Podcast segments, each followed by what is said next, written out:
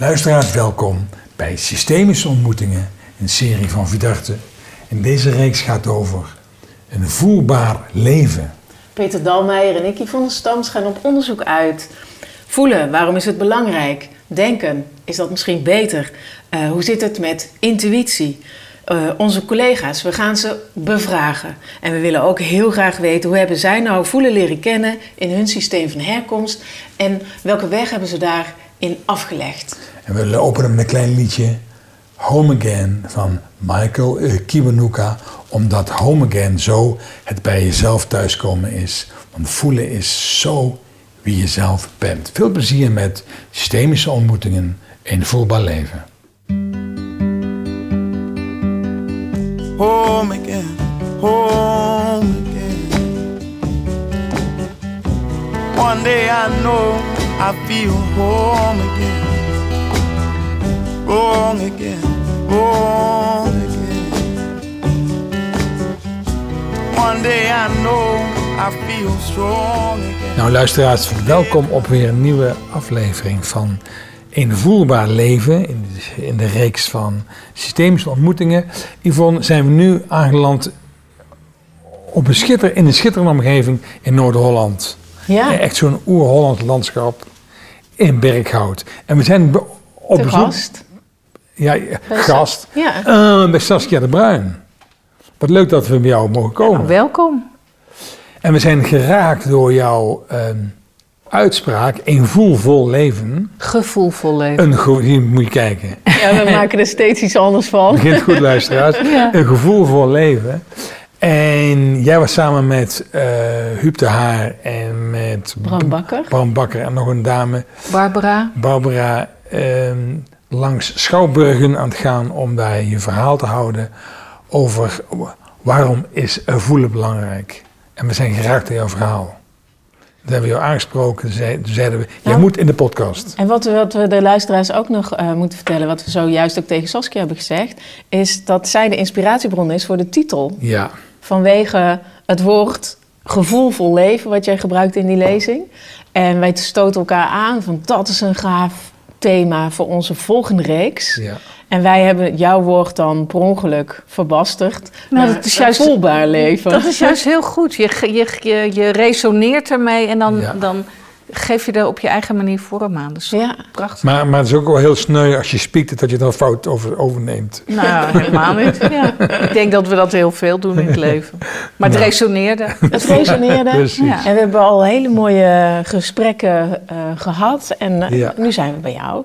Ja. En, en ik heb ook, boek, ja. Ik heb ook uh, gelezen jouw boek uh, Weg van de pijn.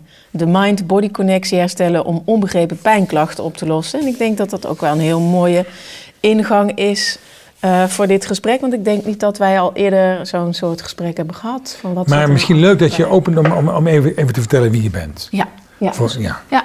Nou, ik ben Saskia de Bruin. Ik ben geboren in Den Haag.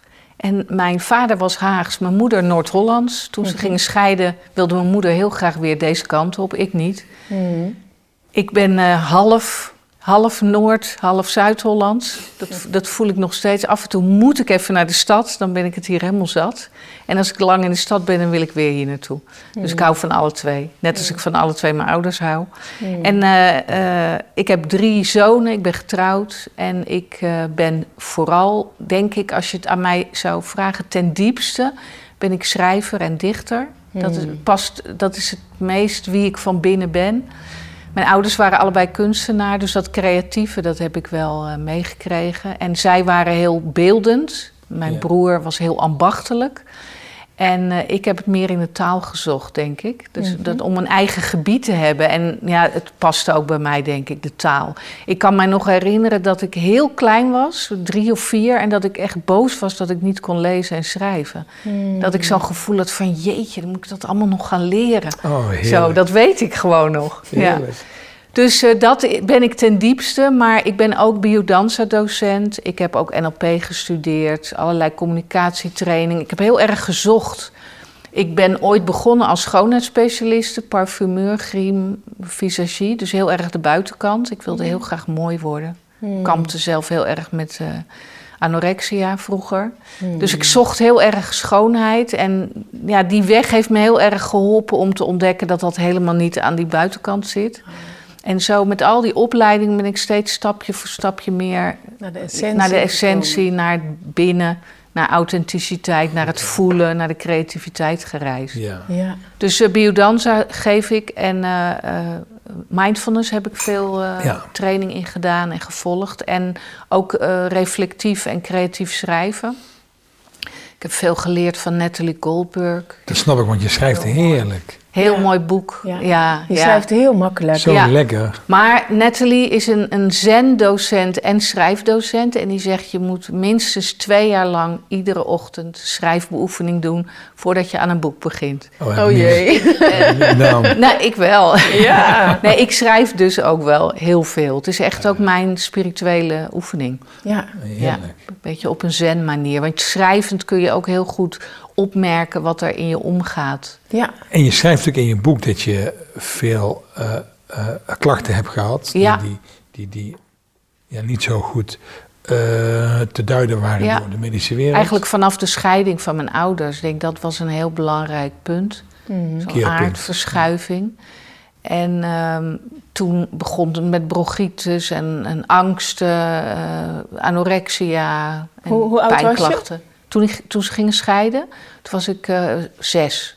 Ja. ja. Meisje was zes jaar. Ja. ja. Hmm. En dan vader weg. Mijn broer ging bij mijn vader wonen. Andere mannen, allemaal gedoe. Mm Dus uh, ja, gewoon echt een aardverschuiving was dat. Voor zo'n gevoelig, uh, gevoelvol typetje als ik. Ja. Dus ik heb heel lang ook geprobeerd om dat voelen juist minder... Ik ben een heel gevoelig mens en mhm. dat voelen juist minder te, te doen. ik ben ook heel erg eh, van het denken en het filosoferen en het studeren. Ik hou heel erg van studeren. Dus ik heb me daar heel erg mijn toevlucht tot gezocht. En ik denk dat dat ook heel waardevol is. Maar zonder voelen mhm. ja, is het gewoon een soort uh, lege huls. Was er ruimte voor voelen toen je opgroeide? Um, nou ja, ik had best wel. Ik had een hele gevoelige vader en een hele daadkrachtige, vurige moeder. Dat is ze nog steeds, nu ze al uh, bijna 87 is. Ja. Ehm, en mijn broer was ook heel gevoelig, die is overleden in de, uh, aan corona. Oh. Um, dus hmm. er was wel veel gevoel, maar eigenlijk iedereen uh, ja, had een soort overlevingsstrategie. Mijn moeder had ook een moeilijke jeugd gehad. Mijn vader kon ook niet goed wegwijzen met, met zijn voelen. Mijn broer ook niet. Dus iedereen had zo'n beetje zijn overlevingsstrategieën om dat een beetje ja. binnen te houden, koest te houden. En een beetje te overleven, denk ik. Mhm. En van daaruit ben jij uh, van de schrik, van de, de aardverschuiving, uh, gevoelens gaan wegstoppen. Ja. ja, heel erg in mijn hoofd dingen proberen te begrijpen. Daar zit ook echt het woord grijpen in. Ja. Wat ook een soort van contractie is, ook een lichamelijke contractie. Dat je het, het, echt probeert vast te pakken, onder controle te krijgen. Nou, anorexia is natuurlijk eh, een ultieme poging om controle te krijgen. Ja. Dus dat, dat heb ik helemaal uitgediept, dat uh, grijpen. Expert Ja, maar ja, dat was het natuurlijk niet. Het, het, het uh, eigenlijk denk ik een heel belangrijk keerpunt was wel de biodanza. Wat een soort van haptonomische bewegingscontactmethode is. Een soort dansende haptonomie is dat eigenlijk. Als je het heel ja, kort omschrijft. Ja. Hele mooie methode. Een mooie levenskunst zit daarin. Ook heel veel theorie is dat op gebaseerd. Mm en uh, mindfulness, om, om ja, veel meer in het gewaarzijn te komen. Ermee te zijn. Gevoel te bewegen. En misschien ook je gevoel eruit te bewegen. Je emotie eruit bewegen. Nou, dat hoort niet zo bij de... bij, de, bij biodanza? Uh, bij biodanza wat meer. Maar biodanza is het werkt wel therapeutisch, maar het is geen therapie. Dus je, je, je, je gaat er niet in met een doel. Hmm. dus daar, daar ben ik ook een beetje, heb ik de, de, de, de NLP-kijk, een beetje de veranderkunde heb ik een beetje losgelaten. Hmm. En de biodansen gaat veel meer over dat je een veilige omgeving schept, waarin een soort ideale groeiomgeving. En dan gaat het leven zelf jou impulsen geven om op jouw manier, in jouw moment vanuit jouw triggers eh, te gaan groeien. En dan kun je ook hele confronterende dingen tegenkomen, maar het, het gebeurt nooit met een plan van de docent of de therapeut. Dans om te groeien. En zelfs niet van de cursist, de danser. Ook niet, nee. Dus je, je, je creëert een hele veilige, affectieve omgeving waarin je uh, zowel uh, authentiek als open kan zijn. Hè, dus waarachtig kan zijn en daar expressie aan kan geven. En je zorgt dat de groep veilig is en de docent en de oefeningen. En dan gaat het leven zelf met, met oplossingen komen. En dan komt ook heel vaak het oude zeer naar boven in een oefening. Maar op het moment dat dat, net als bij een bevalling, dient mhm. de bevalling dient zich aan als het leven er klaar voor is. En niet als de docent een plan heeft. Van nu moet dat eens eventjes ingeleid worden. En dan komt de authentieke beweging ja, uh, ja. Ja, en dat matcht ook wel met de mindfulness. Dat je heel... Ja. Uh, ja, eigenlijk met je gewaarzijn bent bij dat wat zich in het moment ontvouwt. Mhm. En niet stuurt, niet wegduwt, niet oproept, niet afhoudt, maar kijkt van wat, wat komt er nu. En daarop vertrouwt. En daar schrijf je ook dan, volgens mij, in, in, in dat stuk als je daarover uitlegt. Uh, ik stond op een dag op en ontdekte, ik heb geen pijn meer. Ja.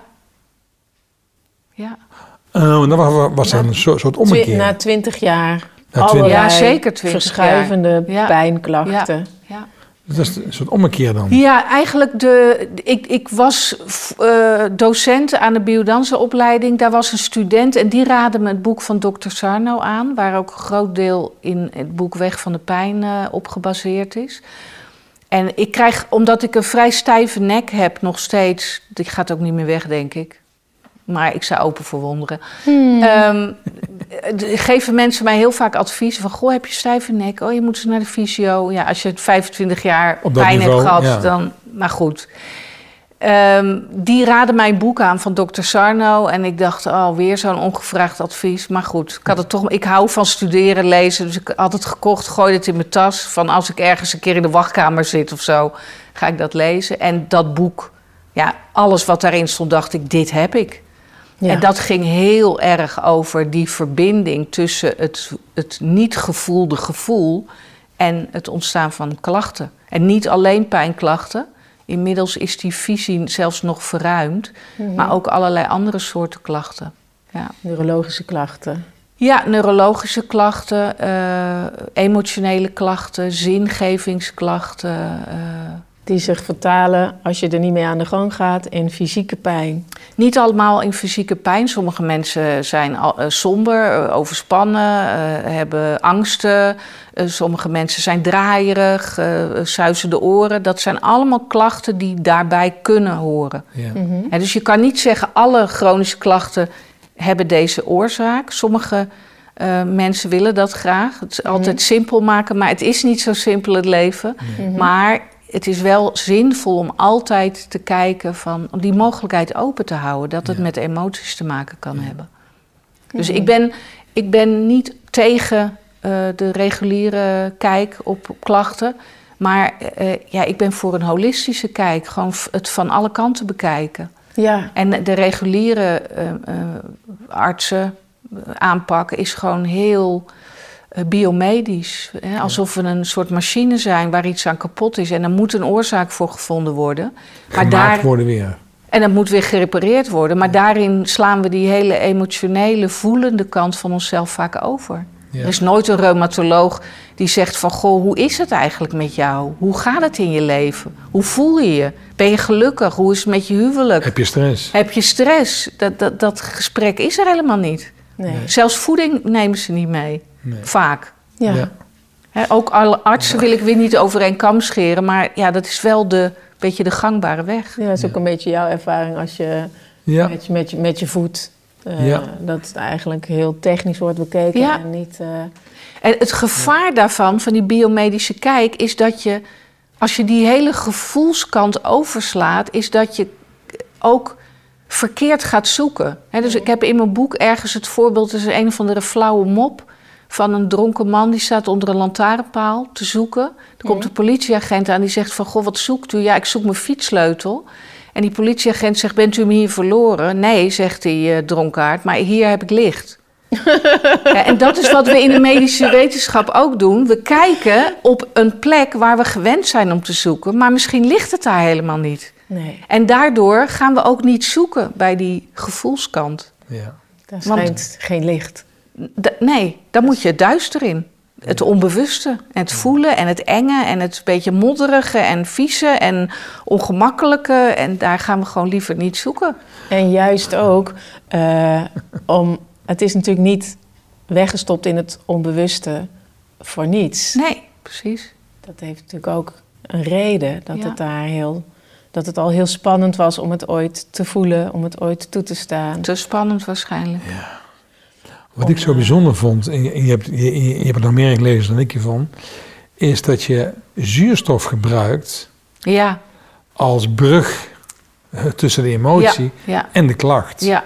Nou, dat vind ik echt waard om er goed bij stil te staan. Ja, ja dus dat is een, een visie van Sarno. Die was uh, revalidatiearts. Dus die had heel veel mensen echt met rugklachten vooral en nekklachten. Echt veel met pijnklachten. Mhm. En die ontdekte, en dat is inmiddels ook aangetoond door gewoon wetenschappelijk onderzoek, ook bij fibromyalgie, dat mensen met veel spierpijnen, dat die daar een verminderde zuurstoftoevoer hebben. Mhm. Waardoor er toch een soort van verkramping kan ontstaan. En dat die, die doorbloeding en die hoeveelheid zuurstof onder invloed staat van onze emoties, dat merk je direct.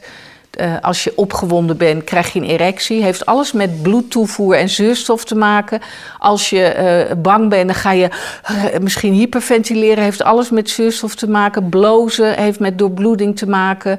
Uh, als je uh, heel angstig bent, dan wil je spijsvertering niet meer. Mm -hmm. dat, dan gaat alle, alle zuurstof en, en bloed gaat ergens anders naartoe, waar je het nodig hebt. Dus voor sommige klachten en uh, verschijnselen vinden we het heel normaal. Van, oh ja, natuurlijk, als je zenuwachtig bent, dan ga je tien keer naar de wc, heel gewoon. Mm -hmm. Maar als er een trauma is, of als er een, een diepe, ongevoelde emotie is, dan leggen we dat verband niet. Nee, hmm. dan heb je gewoon ineens pijn en dan, hè, wat En dan moet er iets stuk zijn. Ja. ja. Maar ja, kramp, zegt dokter Sarno, kan ontiegelijk pijn doen. Je kan echt helse pijn hebben van kramp, terwijl er toch niks kapot is. Ja. Dus dat, dat, dat stelde mij ook heel erg gerust, stelt heel veel mensen gerust. Ja.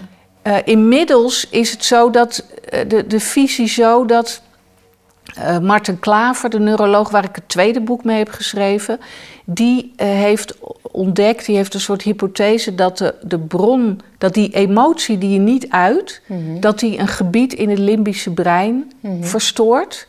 En dat die uh, emotie een andere uitweg zoekt. Mm -hmm. En dat die dan lichaamsfuncties gaat storen. En één van die functies kan de doorbloeding zijn en de bloedtoevoer. Maar er kunnen ook andere functies verstoord raken. Vandaar dat Organen, de klachtenpalet uh, breder is geworden. Ja, ja. hoofdpijn, ja. spierpijn, gewrichten. Ja. dat dus soort. Zelfs het verminderde bloedtoevoer is, een is deel. niet de oorzaak. Nee, dat is een gevolg ook een symptoom. van die verstoring. Ja. Dit symptoom van die verminderde bloedtoevoer of verminderde zuurstof geeft weer die pijnklachten. Ja. En daaraan ten grondslag ligt een emotie die er uh, niet mocht zijn. Ja, of die je niet aankon, of die te beschamend was, of die zo groot was dat je het niet kon voelen. Marten Klaver zegt heel vaak dat de, de emoties uit de kindtijd, als je klein bent, dan zijn emoties uh, eeuwig en alomvattend. Mm. En dat, dat kan zo heftig zijn. als je, mijn man heeft bijvoorbeeld in de couveuse gelegen vlak na zijn geboorte. Of nee, zijn tweelingbroer heeft in de couveuse gelegen, hij alleen in een bedje. En de eerste weken heeft, heeft hij zijn moeder niet gezien. Mm -hmm. Die was zo in de stress en in paniek en overstuur. Die durfde ook niet te vragen: gaat het wel goed met ze? Jaren zestig. Ik weet niet hoe ze dat toen deden. Dat zou ze nu nooit meer doen. Nee. Dus die heeft gewoon een week alleen in zijn bedje gelegen. Ja. En zijn tweelingbroertje in een couveuse. Ook alle contact los. Dan, dat is zo eeuwig alomvattend. En daar, mm -hmm. daar kan je niks mee dan het wegduwen, denk ik. Mm -hmm. En ja, dat, dat is heel uh, lastig om weer bij dat oorspronkelijke gevoel te kunnen komen. Dat overweldigende, ja. pijnlijke. Ja. En vaak Kijk, onbewust gevoel is niet gevoel wat je niet wil voelen of niet durft te voelen. Het is gevoel dat je echt niet meer kent. Ja. Niet weet. Wat je echt niet weet. Wat zo vergeten is dat je zelfs vergeten bent dat je het vergeten bent. En dat kan door een trigger, kan dat, of door biodansen of door therapie, kan dat weer uh, voelbaar worden. Actief worden. Ja, maar daar heb je vaak hulp bij nodig. Mhm. Of, of een, een, heftige gebeurtenis soms. In ieder geval een veilige omgeving. Ja. Zoals wat jij vertelde, eh, biodanza. Eerst de basis is, schep een veilige omgeving. Ja, ja precies. Ja. En of je, ik, ik ben helemaal niet van er is maar één oplossing. Ik geloof dat heel veel methodes prachtig zijn en heel goed werken. Uh, maar dat je moet voelen van wat, net als jullie resoneren met dat woord gevoel, dat je moet voelen van wat resoneert met mij. De persoon, de docent of de therapeut, maar ook de methode. Wat, wat helpt mij om die deuren te openen? Ja. En dat is heel verschillend voor iedereen. Nou, nou hebben wij in, in uh, systemisch werk de neiging om, als er een klacht is, iemand heeft hoofdpijnklachten of rugpijn, om het deel van die rug of hoofd, om dat in de ruimte neer te zetten. Ja, heb ik ook wel eens gedaan. Mijn nek mm opgesteld. Ja, dat was heel interessant. Ja. Dus ook dat, ik, ik geloof dat dat ook een hele mooie ingang is. Ja, mhm. dus ik kwam, mijn, mijn vader was alcoholist, die is daar ook aan overleden. Mhm. Dus daar zat, daar zat uh, in de lijn naar mijn vader, zat er uh, verborgen, niet gehuild verdriet. Mhm. En dat was ook weer bij zijn moeder. Zo kwam dat uit die familielijn en daar ben ik ook mee belast. Ja. En ik heb ook heel lang niet kunnen huilen na een amandeloperatie. Weet je, het leven bedenkt dan gewoon iets waardoor jij die lessen ook weer gaat, ook gaat, doen. gaat doen en voortzetten. En in die lijn van de familie dat dat uh, gaat, ja, daarmee aan het werk gaat. Dat je dat transgenerationele trauma Kennelijk. kan voortzetten. Ja, krijg je de juiste ervaringen voor aangereikt. Ja. Ja. ja. En tegelijkertijd ben je ook degene geweest die het dan doorbreekt. Ja, aan het doorbreken ben. Ja, ja dat, ik kan nooit zeggen dat ik het doorbroken heb. Maar ik, ik ben het wel aan het ontrafelen, denk ik. Ja. En je hebt natuurlijk jouw jou, uh, uh, klachten kunnen, ja, kunnen uh, veranderen, oplossen. Ja, dus op een gegeven moment toen ik al die adviezen van Sarno gevolgd had... stoppen met alle middeltjes, therapie, therapie alles stoppen... En het vertrouwen dat ik niet stuk ben, uh, op zoek gaan naar dat voelen. Op een gegeven moment werd ik wakker en dacht van, nou, ik heb geen pijn meer. Mhm. En dat, dat, ging, dat was eerst, uh, hè, had ik helemaal geen pijn. En dan af en toe viel ik nog wel eens terug, heb ik nog wel eens. Toen mijn broer overleed, ja, dan speelde, speelde het weer op. Dat is ook logisch. Dan kom je weer diepere lagen tegen. Maar nu ben ik veel meer gericht op als er, als er lichamelijke dingen zijn. Om te, om te zoeken van, goh, wat is er met me aan de hand? Wat voel ik? Waar, ja, waar moet ik naartoe wat voelen? Zit, wat zit me dwars? Wat zit me dwars, letterlijk. Ja. Wat, heb dus ik, niet het eh, gevoel onderdrukken of wegduwen. Nee, nee. Maar ermee zijn. Ermee zijn, welkom heten. Ja, precies. Ja. En jouw ehm, het tweede deel van jouw boek gaat vooral over schrijfoefeningen. Deels, ja. ja. Zoals ik het begrepen heb. Want via het schrijven, dus dat proces wat jij net even schetste van hé, hey, ik heb klachten, uh, schrijf erover, schrijf uh, uh, reflectief, dus schrijf over wat heb ik toch meegemaakt en wat van wat ik heb meegemaakt, wat zit mij dan eigenlijk dwars, welke emoties horen daarbij. Ja. Zo is, is volgens mij de grote lijn van die, van die schrijfoefeningen. Ja, dus schrijven gebruik je dan echt als manier om deurtjes te vinden om naar dat diepere gevoel te komen. Ja. En dat vraagt ook echt beoefening. Net zoals je na één keer gymmen niet fit bent, uh, kan je ook niet na één schrijfoefeningetje alle... Zo, ik heb gegimd. Ja, ja één keer gegimd. Uh, Kom er zes jaar weer... Uh... Ja, ik kan er weer zes jaar tegen. Dat is met schrijven ook. Dus het is ook, het is ook durven, het is bepaalde schrijfmethodes leren. Het is ontdekken hoe jij dat gevoel ook in het schrijven ontloopt. Ik doe dat bijvoorbeeld door een beetje in telegramstijl dan te schrijven. Dan gebruik ik wat minder volledige zinnen. Uh, weet je, het woordje ik laat je bijvoorbeeld weg. Het woordje ik laat je bijvoorbeeld weg, ja. En dan, dan ontdek je van, oh, oké, zo doe ik dat. En dat. Dus dat vraagt ook oefening. En gewoon veel doen. Ja. Maar in feite zeg je dan, um, ik ervaar een klacht, er zit iets in mijn, in mijn lijf niet goed. Ik ga naar het gevoel uh, van die klacht toe. Ja. En ik vind een manier, je doet dat met schrijven, maar, maar er kunnen ook andere manieren zijn om te zoeken naar de laag daaronder. Ja, precies. Dat is wat je doet. Ja, ja, ja. Dus soms met schrijven kun je beginnen met te beschrijven wat er gebeurd is en wat je daarin raakte. Dan lees je het bijvoorbeeld terug en dan staat er een woord alleen gelaten ergens. Hmm. En dan denk ik, oh wacht, dat, dat, dat, dat, raakt me. Dat resoneert. dat resoneert. Dan ga ik daarover schrijven of ik ga tekenen. Hè, hmm. van hoe ziet dat eruit? En dan zo kom je dieper bij dat gevoel. Maar dat is een manier. Dat kan ook met therapie, met lichaamswerk, met eh, opstellingen. Dat kan met van alles zijn. Elke vorm die je kunt Klinkt als in, in gesprek gaan. Ja, precies. Communiceren met, je, met je klacht of met, En, en afdalen.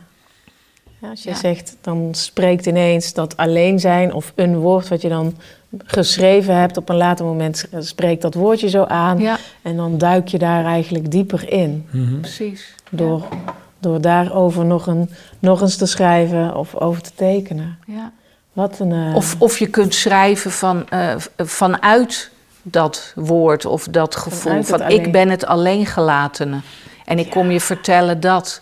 Weet je, dat is dan ook weer zo'n techniek om nog meer en dan, dan komen er soms dingen naar boven die ik echt niet bedacht had. En dat zie ik ook bij de cursisten, dat, dat, dat werkt gewoon. Doe me denken aan wat ik een keer heb gedaan. Ehm, oh, wat ging je dan? Je ging iets. Um,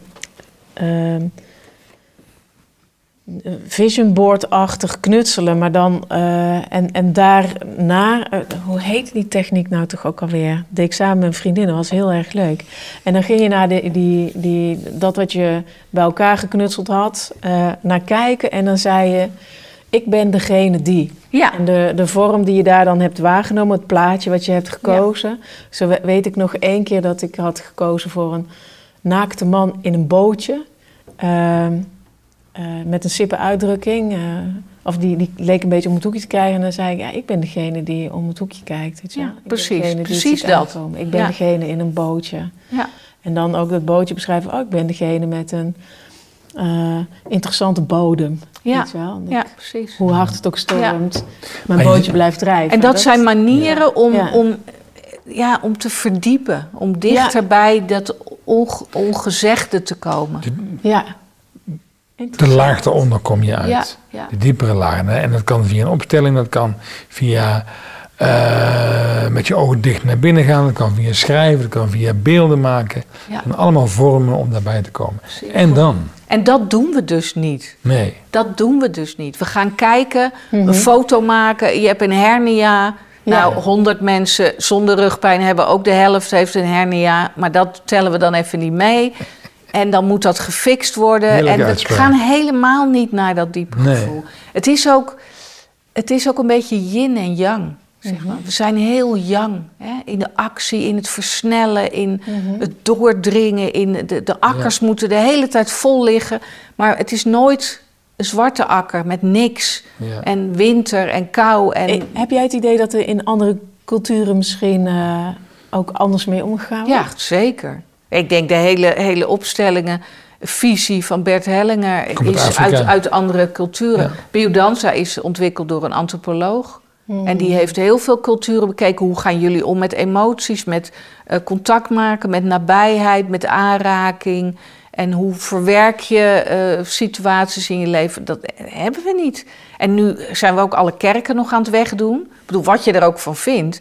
Maar waar is dan nog de verdieping, de verstilling, de zingeving. Dat, dat, dat, dat is heel lastig. Ja. ja. en dan gaan mensen allerlei complottheorieën bedenken. We, we moeten ergens de zin vinden. Maar die zin ligt niet ja. uh, ergens buiten ons. Die, die, die, we moeten weer met die zin diep in onszelf contact maken. En als we daar dan mee contact hebben, bijvoorbeeld, uh, ik ga uitkomen bij alleen gelaten voelen. Alleen gelaten, niet gezien, niet vastgepakt. En, en, dan? Nou, wat, wat wil een kindje dat huilend op je afkomt? Wil die een oplossing? Of wil die gewoon alleen maar. gesprek, denk ik. Of wil die alleen maar even gezien worden en dat je zegt: Ach, joh, ben je zo alleen? Kom maar lekker bij me zitten. Ik zie het, ik hoor het, ik voel je. Dus het, het hoeft heel vaak niet opgelost. Dus Daar ben neemt, ik tenminste niet zo van. Dus je neemt het deel in jezelf aan. Ja, dat is wat je zegt. Je neemt het. En als jij zo beschrijft, en als het kind naar je toe komt, wat wil het kind? Uh, die heeft hulp nodig bij regulering. Bij zelfregulatie, die kan dat nog niet. Ja. En als je dat niet aangereikt krijgt, dan wordt dat later voor je ook heel moeilijk om, om voor jezelf te doen. Mhm. En wat, dat brengt me bij een begrip dat heet volgens mij alexithymie. Dat is dat je geen woorden hebt voor emoties. Ah, Sommige mensen hebben dat. Ik ken dat woord. Het komt meer voor bij mensen met chronische klachten. Oh. Je, je leert mhm. je gevoel te verwoorden. Ja door het contact, affectief contact met een volwassene. Dus ik ben een kindje, ik kom huilend bij mijn moeder. En die moeder die zegt van, oh ben je zo verdrietig? Ben je gevallen of heb je honger? Of uh, wat, wat is er gebeurd? En zo leer je door die vragen om woorden te vinden. En dan zegt je moeder van, oh maar eh, eh, mocht je niet meedoen? Of hebben ze je achtergelaten? Of was je verdwaald? Of was je me kwijt? Of was je ongerust? En zo leer je woorden voor de fysieke sensaties die je ervaart. En heel veel mensen hebben dat te weinig. Ja. En hoe minder we over gevoelens praten, hoe minder we dat ook oefenen. Dus merk ik ook in het schrijven dat dat soms heel lastig is. Om de juiste woorden te vinden voor wat er precies in je omgaat. En, en in je, eh, gewoon fysiologisch werkt het zo dat je hebt gemoedsbewegingen, dus uh, uh, golven van sensaties, lichamelijke en mhm. gemoedsbewegingen. Die gemoedsbeweging die leer je te beluisteren, te voelen en betekenis te geven. Dus je voelt ineens zo'n zo'n zo'n golf van adrenaline. En dan denk ik, oeh, wat, wat, voel ik nou? Oh, ik ben een beetje nerveus, want ik moet vanmiddag uh, een mhm. lezing geven. Mhm. En dan geef ik die gemoedsbeweging, die geef ik een betekenis. En dat is fijn, omdat je dan een handvat hebt. En dan kan je er iets mee, je beter voorbereiden of jezelf geruststellen of met iemand praten of whatever. Ja. Maar het is ook zo dat in je hersenen dat die emotie dan een andere plek krijgt. Dus dan, dan, je, je krijgt het letterlijk op orde. Ja. Als je het betekenis hebt gegeven, komt het op orde. Precies. Dat is ook onderdeel van de Dr. Sarno-methode. Ja. Snappen dat je klacht een bron heeft, ergens vandaan komt, dat er een reden is waarom je die klacht hebt. Ja. En uh, schrijf je in het boek dat 75% van de mensen met klachten al geholpen zijn als ze dat tegen zichzelf gaan zeggen. Ja, van de mensen die van dit soort uh, eh, TMS-solklachten hebben, ja, heel veel mensen zijn daar al mee geholpen. Gewoon begrijpen hoe het werkt. Ja. Dus dat verklaart ook dat mensen die uh, Sarno's boek lezen, of mijn boek ook vaak, hoor ik heel vaak terug, dat alleen het lezen al geholpen heeft. Dat ze al minder pijn hebben. Ja. Dat is heel bizar en dat ligt niet aan mij, maar dat ligt aan die geruststelling. Aan hoe het brein ook werkt. Ook, ja. want, want pijn en allerlei klachten zijn ook een soort signaal dat je je hersenen en je mhm. lichaam ervaart gevaar.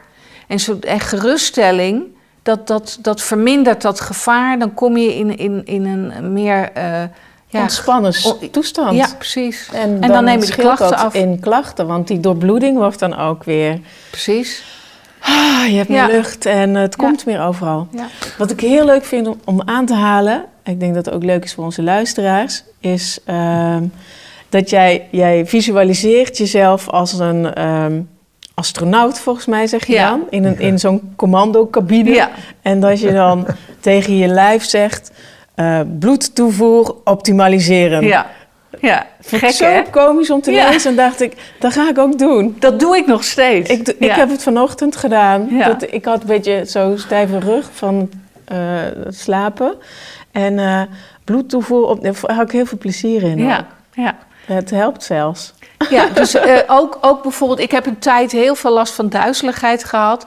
En op een gegeven moment had ik daar ook gewoon een andere naam voor bedacht. Van ik ben gewoon, ik ben aan het varen op mijn gevoelszee. En ik ben gewoon een beetje zeeziek. Ik moet dat nog leren, ik moet nog wennen. Ik ben nog maar een beginneling Ja. hè, op zee. Mijn vader was zeeman, dus vandaar die zee-metafoor. Ja. Dus soms helpt het om het een minder beangstigende naam te geven. Maar ook zo'n zo'n eh, Oh, ja. eh, Ja. zo'n opdracht, dat, Ja. dat werkt. En dat stelt ook gerust. Want als je die minder beangstigende naam geeft, dan leid je je neurologie dus eigenlijk ook weg van het Paniek. hele beeld wat achter dat ene woord zit, wat zo Ja. lading heeft. Ja. Hè? Want, Ja. oh, dit is mijn rugpijn, of dit is mijn eh tinnitus, of dit is mijn... eh, En ik denk dat het ook met echte klachten, eh, it- dit zijn ook echte klachten, ik zeg dat verkeerd, maar met klachten met een volgens de artsen eh, Mhm. lichamelijke oorzaak. Ik heb bijvoorbeeld ook reuma. Mhm. En dat wat, maakte het ook heel lastig. Dat komt veel voor bij chronische klachten, dat er en Mhm. iets, Ook nog iets anders is. iets aan de hand is eh, wat, wat lichamelijk van slag is. Ja. En nog zo'n chronische klacht erbij. Dat maakt het heel troebel en ingewikkeld. Daar zitten artsen ook zelf mee hoor. Die, voor hun Ja. is dat ook heel ingewikkeld. Ja. Ja. Maar ook die reuma wordt ook rustiger als ik eh, op de, op de goede manier met mijn emoties omga. Dus eigenlijk zeg je dan, als je Ja. de emotie ontkoppelt van de eh, eh, fysieke klacht, als je de emotie daar afhaalt, Ja, het ontkoppelen vind ik weer een vrij mechanistische visie. Eh, als je ontdekt dat er een emotie verbonden is met die klacht. als je de emotie bevrijdt van de klacht. Ja, nou, bevrijden is. Nee, als je de emotie kan voelen, Ja, kan horen. Misschien noem jij dat dan bevrijden. Ja, dus als je, als je verbinding kan maken met die bron, die emotionele bron, ja. dan werkt dat op allerlei klachten goed. Ik had een vriendin die had leukemie en die, die ging sterven. Dat, er was te veel wanorde in haar lichaam. Maar die had een, eh, een misbruikverleden met haar broer. Hmm. En eh, ik had veel contact met haar en we, we, we- ja, we kwamen tot de conclusie dat het toch goed was om daar nog een keer wat mee te doen. Dus die heeft nog wat therapiesessies en ook met die broer gedaan. En die heeft toen nog hele goede maanden gehad. Gewoon door die, die emotie te bevrijden, te voelen, uit te spreken, uitdrukking te geven. Mhm. Ja. Dus het is, het is niet altijd zo, zeker niet met zoiets heftigs als, als leukemie of kanker of wat voor ziekte dan ook. Nee. Dat, dat je kan toveren en dat dat dan weg is. Nee. Ik weet ook niet wat haar zielenpad is en hoe, dat, dat, daar kan ik ook niks over zeggen. Nee. Maar het heeft haar heel erg geholpen om ja, op, een, op een veel eh, rustigere manier te sterven. Ja, je schrijft in je boek wel helen, Ja. maar niet genezen. Precies, ja. Maak Ja. je onderscheid in tussen helen en ja, genezen. dus dat hele, dat hielp haar echt nog. Ja, Om, om toch heler te sterven. ja. Heel sterven. Ja. Vond, vond ik een mooie Ja. onderscheid. Ja. Dat je daar eh, heel helder eh verwoordde. Nou, het is mooi wat, wat, wat, wat ik nu bedenk is dat in ehm, de wereld van ziekenhuizen en artsen heel, heel sterk wordt gekeken naar de eh, structuur van de klacht. En als die gevonden wordt, dan, dan heet het dus iets. Ja, En als dat niet gevonden wordt, dan is het zo dat het zit eh, tussen je oren. ja dat, En- dat, zit, dat zit dit soort klachten ontzettend in de weg. Want Ja. mensen, eh, daarom verbeter ik mezelf ook. Want die, die chronische klachten, TMS, SOLK, hoe je het wil noemen... dat zijn ook echte klachten. Ja. En die hebben een emotionele bron. Daar kan je echt aan lijden. Dat kan ontzettend veel pijn en ongemak en kan je hele leven in de war schoppen. En dat zit niet. Het zit wel tussen je oren, want het heeft met het brein, met het emotionele brein te maken. Maar het is niet. Mensen, Het is geen aanstellerij. mensen geven dat de betekenis van aanstellerij of dat je het je inbeeldt. Maar daar heeft het ja. helemaal niets mee te Nee, maken. nee. Het is een klacht die ontstaat vanuit die, die klemzittende emotie. En die is ook helemaal echt. In je, in je boek noem je dat beschermingspijn. Of Ja. Ja, Ja. ja. De Een soort emotioneel klem zitten, afleidingspijn. Ja. Ja. Want die klachten, daar kun je. Als je, als je zo'n emotie hebt die koste wat kost onbewust moet blijven. Ja. En het onbewuste brein denkt dat dat nodig is. Want die heeft ooit in dat bedje alleen gelaten. kennelijk een soort instinctieve reactie in gang gezet. van dit is te heftig, dit kan ik niet voelen. Ja. En dat wil je gewoon de rest van je leven zo houden, Ja. onbewust. Ehm, En hier is de overlevingsstrategie, de coping, wordt een pijn. Ja, precies. En die pijn of die klachten, die gaan ervoor zorgen dat je zo daar geobsedeerd mee bezig bent, dat er ook helemaal geen ruimte is om die emotie nog te voelen. Ja. Dus je verlegt ook al je aandacht naar die klachten, waardoor die nog verder weggaat van die uh, oorzaak. En dat is het belang van die klachten. Niet omdat jij want daar hebben ze het dan in. in ik heb zo'n pijncyclus uh, uh, ooit gedaan in het ziekenhuis. En daar leren ze dan van je hebt secundaire voordelen bij die klachten. Want dan word je vertroeteld en je krijgt de aandacht. Dat kan allemaal een rol spelen. Maar de primaire reden is dat je niet naar die onbewuste emotie gaat. Ja.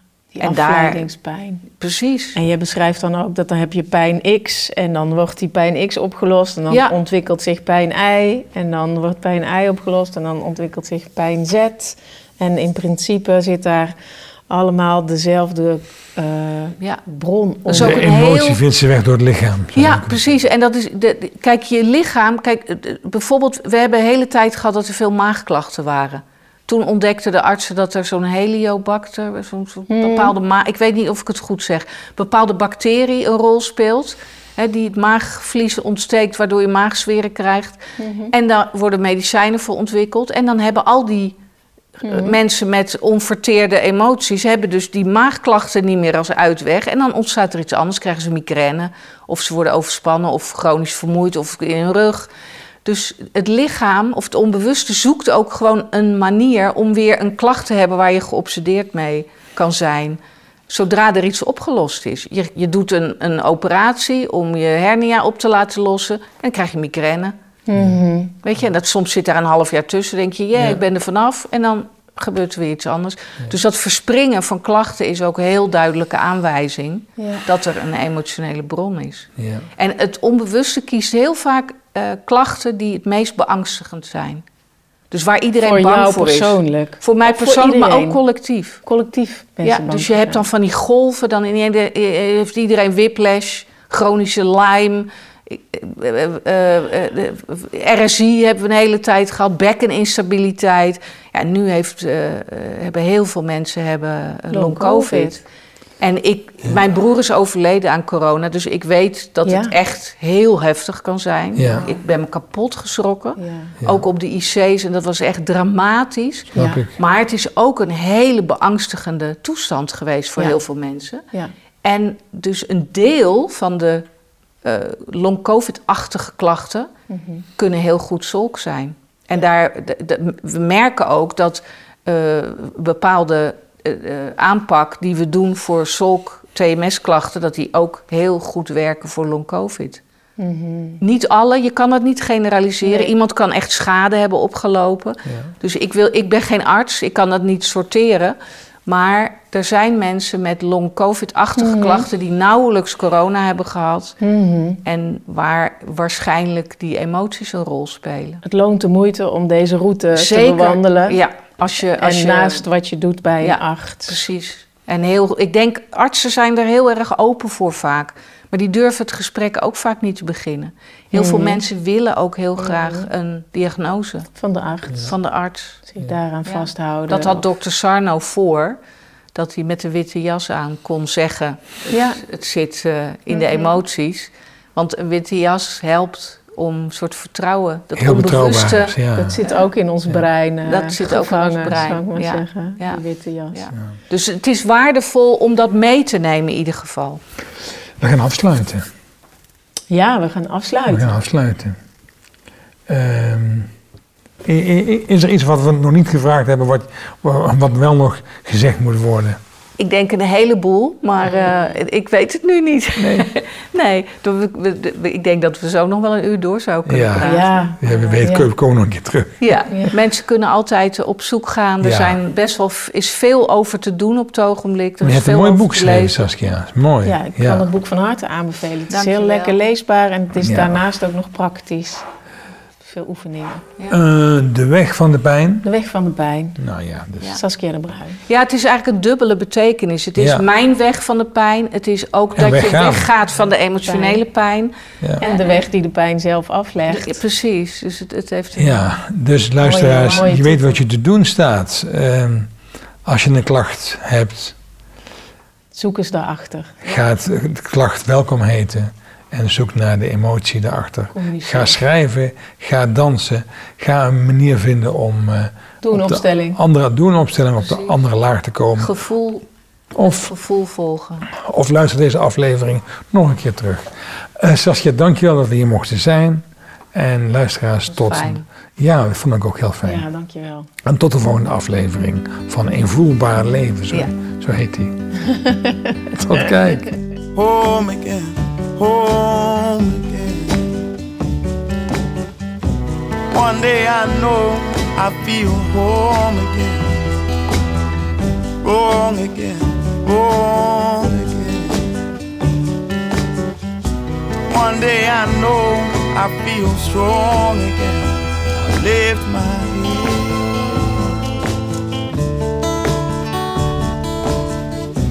Many times I've been told all this talk will make you fall. So I'll close my eyes, look behind, moving on, moving on. So I'll close my eyes, look.